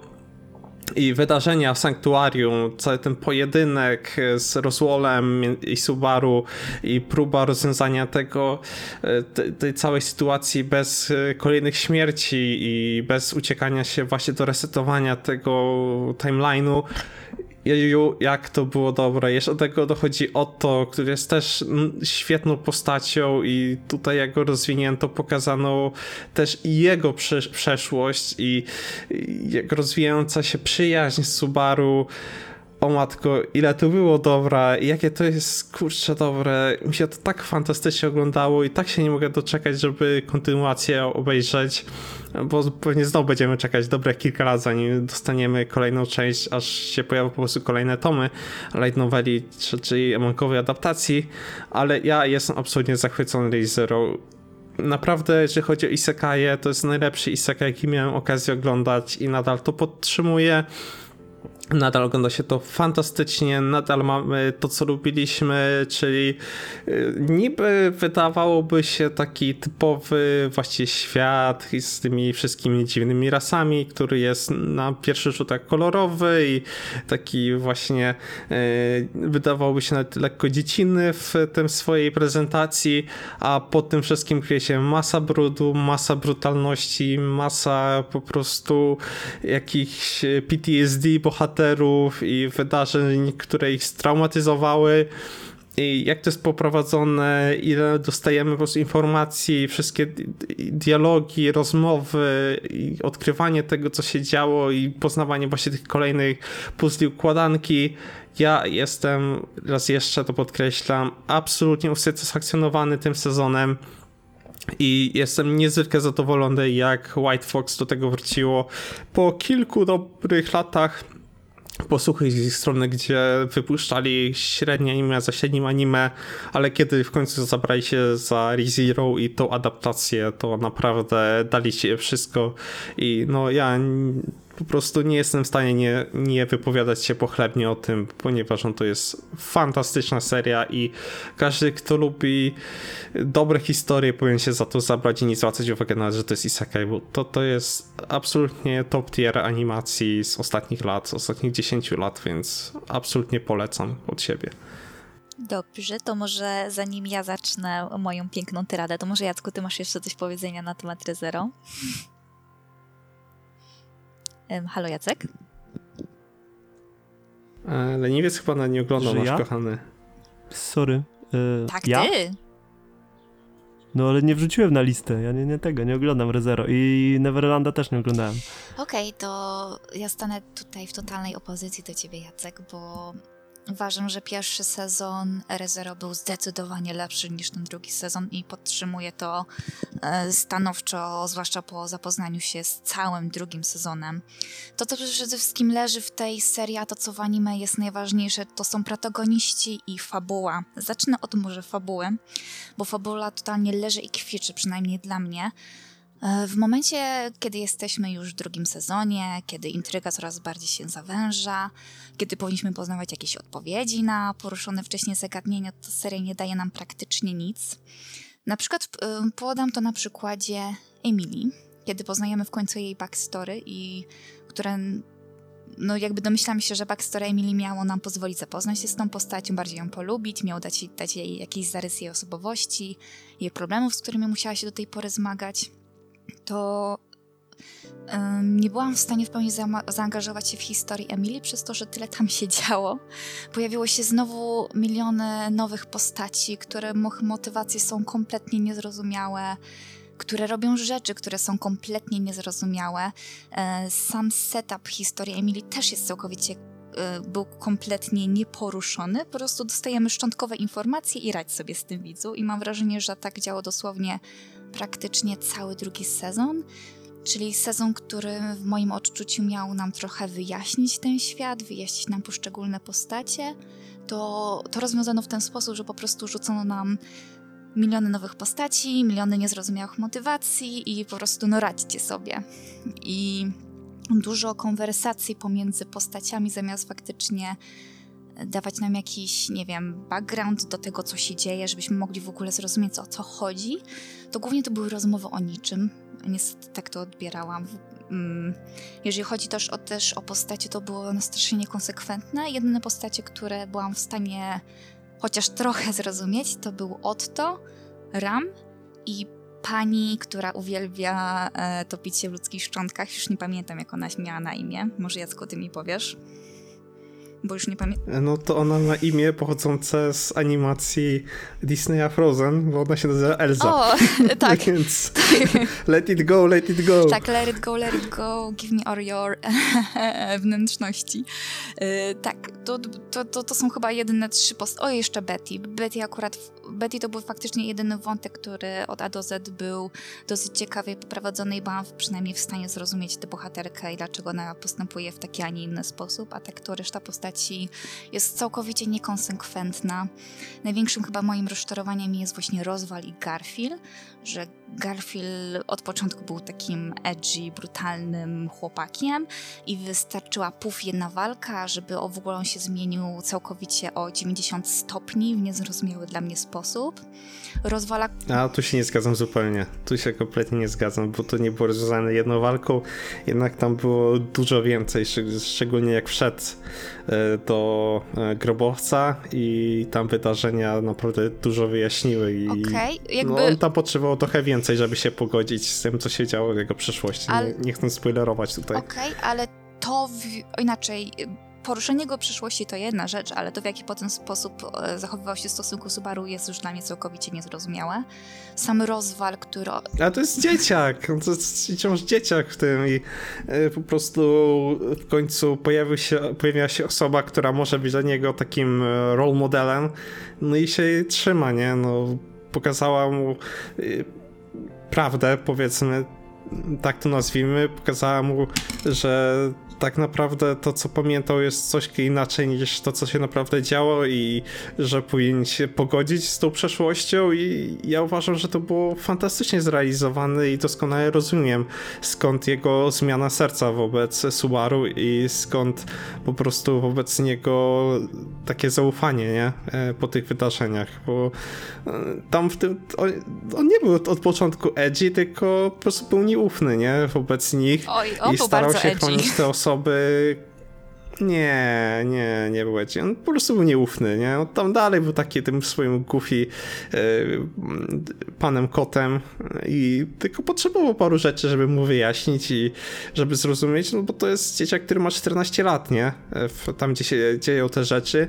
No i on przechodzi przez duży, bardzo emocjonalny okres w swoim życiu, a że jeszcze miał wydarzenia swojej przeszłości, jakie miał, więc e, no dla mnie to było absolutnie satysfakcjonujące. Nie uważam, że to było styłka. Tak samo uważam, że pomimo wprowadzenia dużej ilości postaci i no dobra, tutaj zgoda, że też sporo zagadek dołożono, ale według mnie też sporo wyjaśniono rzeczy i te nowe postacie, które wprowadzono, na przykład Mama Fortuna, były fantastyczne i powrót też pewnego antagonisty z pierwszego sezonu w innej roli niż tam miał też był super wypad i też dużo objaśnił moim zdaniem. Okej, okay. to, że te dwie postacie się pojawiły faktycznie, interakcje między nimi były dosyć urocze, ale to wszystko, bo to, co właściwie było celem ich misji, w jakim właściwie kim jest Emilia i o co w tym wszystkim chodzi, tu mam wrażenie, że tego kompletnie nie wyjaśniono. I sądzę, że na tym etapie historii już powinni troszkę bardziej poruszyć, o co chodzi z tymi wiedźmami, bo, bo do tej pory miałam wrażenie, że jest tylko siedem wiedźm, nagle dochodzą jakieś kolejne, albo no niestety kolejny sezon Rezero sprawił, że w tym momencie kompletnie nie rozumiem tego świata. I naprawdę ciężko jest mi się zaangażować w oglądanie tej serii, kiedy no nie jestem w stanie nawet zrozumieć, na jakich zasadach działa ten świat, który oglądam. Więc niestety tu mnie Rezero strasznie rozczarowało. I tak w przypadku jeszcze rozwala, to on dla mnie jest bardzo niekonsekwentną postacią, że nawet kiedy podano jego motywację, to sam sposób zaprezentowania tych jego motywacji był tak zagmatwany, że kiedy był już ten jego Redemption Arts, to już tak no, nie zależało mi. Że już w połowie, w połowie tego sezonu już przestało mi zależeć na tym, co się dzieje z postaciami i na tym, co się dzieje fabularnie, bo już po prostu przestałam rozumieć, co się dzieje na ekranie, niestety. Więc dla mnie drugi sezon ReZero był pod tym względem ogromnym rozczarowaniem, ale to może zwrócę chociaż uwagę na bardziej pozytywne aspekty. Każdy odcinek miał przynajmniej 28 minut, więc naprawdę jakby White Fox się postarał. Bez openingów. Tak, Praktycznie Tak. przez cały sezon może ze cztery razy opening się pojawił i rzeczywiście prawie każdy odcinek miał te 28 minut, więc to jest naprawdę długi sezon do oglądania. tak. E, jakby aktorzy głosowi też naprawdę zrobili kawał dobrej roboty. Aspekt zar- zarówno wizualny, jak i muzyczny był naprawdę też naprawdę na najwyższym poziomie. Po prostu uważam, że ten sezon zamiast wyjaśni, zamiast rozjaśnić nam poszczególne aspekty, tak bardzo je zagmatwał, a na dodatek te postacie właśnie protagoniści, których byłam w stanie mniej więcej do tej pory zrozumieć, to już kompletnie przestałam rozumieć ich motywacje i były dla mnie całkowicie niekonsekwentne, poza niektórymi wyjątkami, że niestety dla mnie ReZero strasznie, strasznie jakby ws- spadł poziom tej serii. Niestety. No, jak słyszysz, ja mam troszkę inne Tak. zdanie, jestem zachwycony. Okej, rozumiem, ale dla mnie właśnie to jest cała zagadka i to, co się dzieje, to jest jednym z głównych zalet ReZero i odkrywanie po prostu tych kolejnych wydarzeń i zapowiedzi kolejnych sezonów, y, które mam nadzieję, że powstaną i pokażą nam y, po prostu odpowiedzi na nie Y, i to mi zupełnie przeszkadza. Dla mnie właśnie to jest jeden z tych elementów, które lubię najbardziej i mówię, dla mnie ReZero jest właśnie serią, która się opiera na tym, że stawia labirynt przed głównym bohaterem i on musi znaleźć z niego wyjście e, metodą często prób i błędów, a czasem po prostu forsując e, swoje rozwiązania i no, dlatego jestem tak usatysfakcjonowany tym sezonem, ponieważ to mi dostarczył i to mi naprawdę dostarczyło też masę radości. O, ojej. A tutaj widzę na naszym czacie tekstowym, że nasz drogi leniwiec musi uciekać. Drogi Tak, leniwcze. bardzo was przepraszam. E, Niestety ja ostatniej serii, którą będziecie omawiać, też nie oglądałem, Mhm. a niedługo mam pociąg i niestety naprawdę muszę już uciekać. Więc wszystko, co chciałem, e, to powiedziałem. Najciekawsza część tego podcastu już się skończyła. Możecie wyłączać, bo zostaje Jaca z Kamilą. Dzięki. Trzymajcie się, Ponownie. miłego gadania Hej, hej. i do usłyszenia, Pa, pa. No do słyszenia Jacku, miłej podróży. Dobrze, to wracając. Mi po prostu w drugim sezonie ReZero brakowało tego momentu na podsumowanie tego, co już wiemy i tego, czego nie wiemy. Bo właśnie jak powiedziałeś, ta seria opiera się na tych labiryntach, to w, w tym sezonie mam wrażenie, że zamiast poprowadzić nas od punktu A do, od startu do zakończenia, to w pewnym momencie ktoś po prostu wziął młotek i zaczął po prostu rozwalać wszystkie ściany dookoła, zostawiając tylko gruz i w sensie zostawiając otwartą ścieżkę do mety, ale rozwalając wszystko dookoła. To ja tak odbieram ten drugi sezon. Że przy, przydałby mi się przynajmniej jeden odcinek, który uporządkowałby mi wszystkie posiadane informacje na temat wiedźm, na temat samych wyborów, na temat tego, co się w ogóle dzieje z Ren, bo Ren w ogóle zniknęła. Wiemy dlaczego, ale no, nikt nadal nie poruszył tego wątku, co też jest dla mnie troszkę irytujące. I rozumiem, dlaczego nie dałoby rady zrobić tego teraz, bo Sanktuarium był naprawdę skomplikowanym em, labiryntem, ale no to, że tak praktycznie kompletnie zignorowano tę postać, też było trochę dobijające. Miałam wrażenie, że to Sanktuarium też służy po części temu, żeby troszkę pomóc rozwiązać problemy Rem, a no nic z tego nie zostało ruszone. No ale też rozumiem, dlaczego jesteś zachwycony tym sezonem, bo ten sezon miał swoje wyjątkowe momenty. No ale no niestety ja osobiście no jestem strasznie rozczarowana tym drugim sezonem. Mam nadzieję, że kolejne będą lepsze. O. Nie, mi się też podoba w ogóle to, co wszystko wprowadzono, że cały ten scope historii tutaj się poszerzył, to na co wszystko narzekasz, czyli na pojawienie się tych nowych pytań i, i na które wciąż jeszcze nie znamy z końcem tego sezonu odpowiedzi. Dla mnie to jest akurat zaleta. Pokazuje, że w tym świecie wciąż czekają na nas jeszcze więcej przygód i jeszcze więcej rzeczy do odkrywania. I, i od siebie chyba tyle mam o ReZero i już i tak długo trwa ten podcast, mam jeszcze jedno anime, o którym e, będziemy chcieli pewnie trochę porentować i tu już oboje skończymy pewnie ten mm, podcast na dosyć takim e, low, low nocie i kurczę, no jak Usoku no Neverland, The, The Promised Neverland sezon drugi, który był takim kuriozum. O Jezus Maria, co tu się najlepszego odjebało? No ja nie wiem. Ja zacznijmy od tego, że w 13 odcinków próbowali upchać historię rozpisaną na 80 rozdziałów, e, mniej więcej, a ostatnie 30 rozdziałów upchnięto w 3-minutowy pokaz slajdów. Chyba to jakoś tak to się e, by rozkładało. Nie wiem, co tu się wydarzyło. Może ty, Kamilo, będziesz w stanie powiedzieć, bo dla mnie to jest absolutnie tragedia to jest absolutnie złe anime same sobie i jeszcze gorsza adaptacja i e, wręcz, wręcz niektóre fragmenty tego mnie bawiły, jak złe to było, jak to było kiepsko napisane. E, tym bardziej mnie to bawiło, że okej, okay, już sama manga w swoim finale mnie nie zachwyciła i uważam, że finał był naprawdę zły, e, był naprawdę fatalny, a tutaj jeszcze spotęgowano to wszystko leceniem z historią na łeb na szyję, wycinaniem rzeczy, e, szaflowaniem ich między sobą, aż doprowadził do właśnie tego kuriozum, jakim był ostatni kompletny odcinek i Dobrze, to zanim będziemy w szczegóły, to oddaję Ci głos. To w sumie, jakby to powiedzieć, e, moje odczucia odnośnie dyplomista to najpierw była nadzieja, potem było rozczarowanie, potem znowu rozbudziło, znowu zostały we mnie rozbudzone jakieś nadzieje, potem zostały totalnie zaprzepaszczone, więc to była taka sinusoida totalnie różnych emocji u mnie w trakcie seansu, bo nie wiem, to był, nie wiem, co się wydarzyło, nie mam pojęcia, co ja tak naprawdę obejrzałam w tym drugim sezonie. Powiem szczerze, że w ostatnim odcinku miałam jeszcze nadzieję, że że sposób, w jaki chcieli jakby zakończyć ten drugi sezon, sugerował, że o, może będą chcieli zrobić jakąś kinówkę, może będą chcieli zrobić trzeci sezon, oławkę, cokolwiek, żeby po prostu troszkę bardziej poszerzyć ten świat, że może wtedy poruszono by bardziej sam świat demonów, arystokracji, no jakby wie, wiesz, cokolwiek, tak. nie?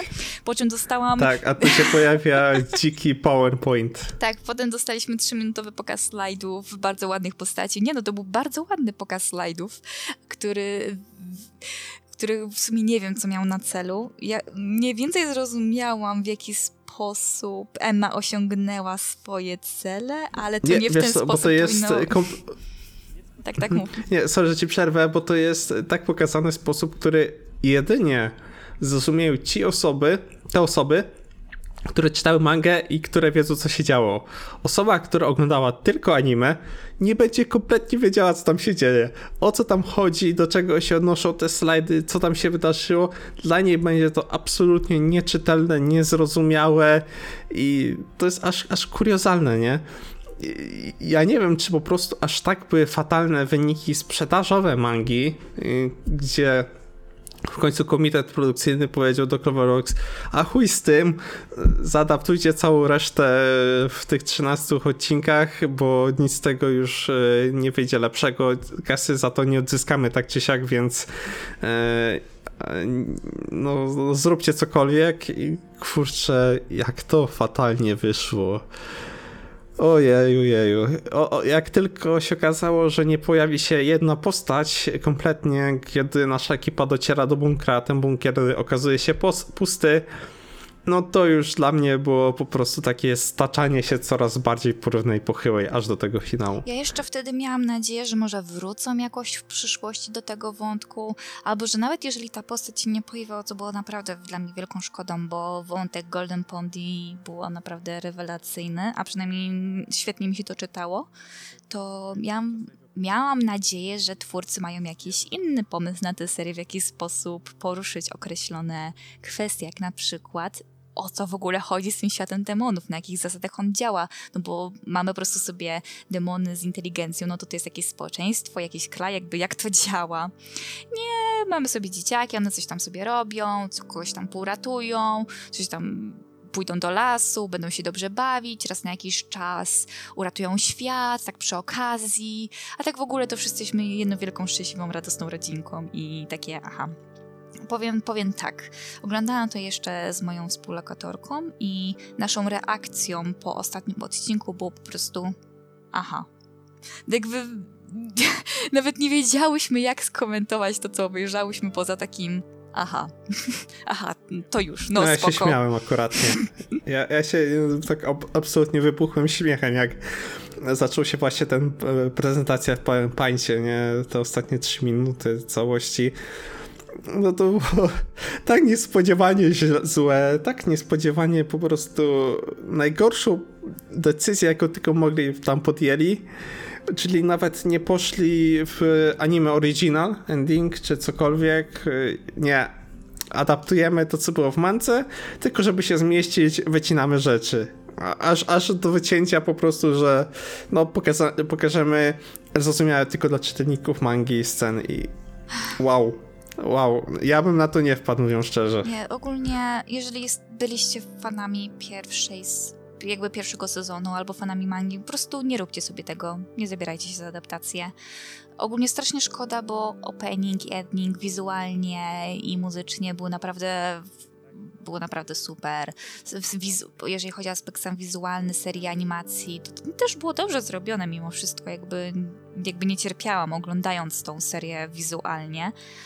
Po prostu to, co zrobili ze scenariuszem, to jest, to jest jakaś katastrofa. Może nie pastwmy się dłużej nad depromistami, po prostu poradźmy wszystkim. Nie zabierajcie się za to. Nie ma, nie ma, nie po prostu po co. Nie traćcie swojego czasu. Chyba, że Jacek, ty chcesz się jeszcze popostwić, to nie krępuj się. E, wiesz co, no ciężko mi cokolwiek powiedzieć, no bo kurczę blate, no mówiłem, ja nie jestem fanem finału mangi i temu dałem już swój wyraz w naszym podcaście podsumowującym mangi za 2020 rok, który nagrywaliśmy w styczniu i kurczę, no ja nie widzę sensu, żeby oglądać w ogóle ten sezon drugi Yakusoku no Neverland, jeżeli czytałeś mangę, no tym bardziej, bo dostajesz powtórkę z rozrywki, tylko gorzej, nie? To, co już było złe, jest tutaj jeszcze gorsze, e, to, co było dobre, w ogóle nie ma, bo to wycięto i zostawiono po prostu taką skorupę, która jest nie wiadomo czym, nie wiadomo dla kogo, nie wiadomo po co i to jest zwyczajnie strata czasu dla każdej osoby, która się po prostu zawezie za ten sezon, ponieważ no, nie uzasadnia w ogóle jakkolwiek swojego istnienia i to jest moja opinia. Tak, zgadzam się. To jest taka ładna wydmuszka. O, Naw- nawet nie jest, y, nawet ciężko powiedzieć ładna, bo okej, okay, pod względem animacji jest dobrze, ale też to nie jest tak y, rewelacyjnie, żeby tu uzasadniało, nie? Po prostu, żeby się za to zabierać, nie? Po co się denerwować? Po co tracić czas? Jak i tak nie dostaniecie niczego, co by wam wyjaśniło tę historię, czy poprowadziło ją w jakikolwiek logiczny i trzymający się kupy sposób, nie? jest wiele lepszych serii, To jest po naprawdę. prostu. Tak, tak, tak, dokładnie. To jest po prostu lecenie, nie? Mamy do zaadaptowania, nie? Tam nasz komitet produkcyjny stwierdził, że im się nie opłaca inwestowanie dalsze w Yakuza no Neverland, więc stwierdzili, no zaadaptujcie to, co dacie radę i tyle, nie? I, i to jest jeszcze tym bardziej zabawne, że e, przy tym drugim sezonie za ten powiedzmy w cudzysłowie nowy scenariusz odpowiada także autor scenariusza do mangi, nie? I to, to, to jest tym bardziej e, takie ironiczne, że nie dość, że fatalnie mu wyszedł jeden finał, to kiedy miał okazję go przepisać i poprawić, e, to wyszło mu jeszcze gorzej, więc no szapoba, nie? To, to trzeba mieć talent, nie? Że, żeby Ale z- po prostu... Ale z drugiej strony to nie zawsze Mhm. koniecznie tak musi być, bo akurat odnośnie podobnej sytuacji i beznadziejnej adaptacji drugiego sezonu, to pamiętam, że była historia taka z Tokyo Ghoulem, e, już kurczę, nie wiem jak, e, Pierwiastek A, tak, tak się nazywał ten drugi sezon, ale wtedy też poproszono autora, żeby osobiście inaczej rozpisał e, wątki.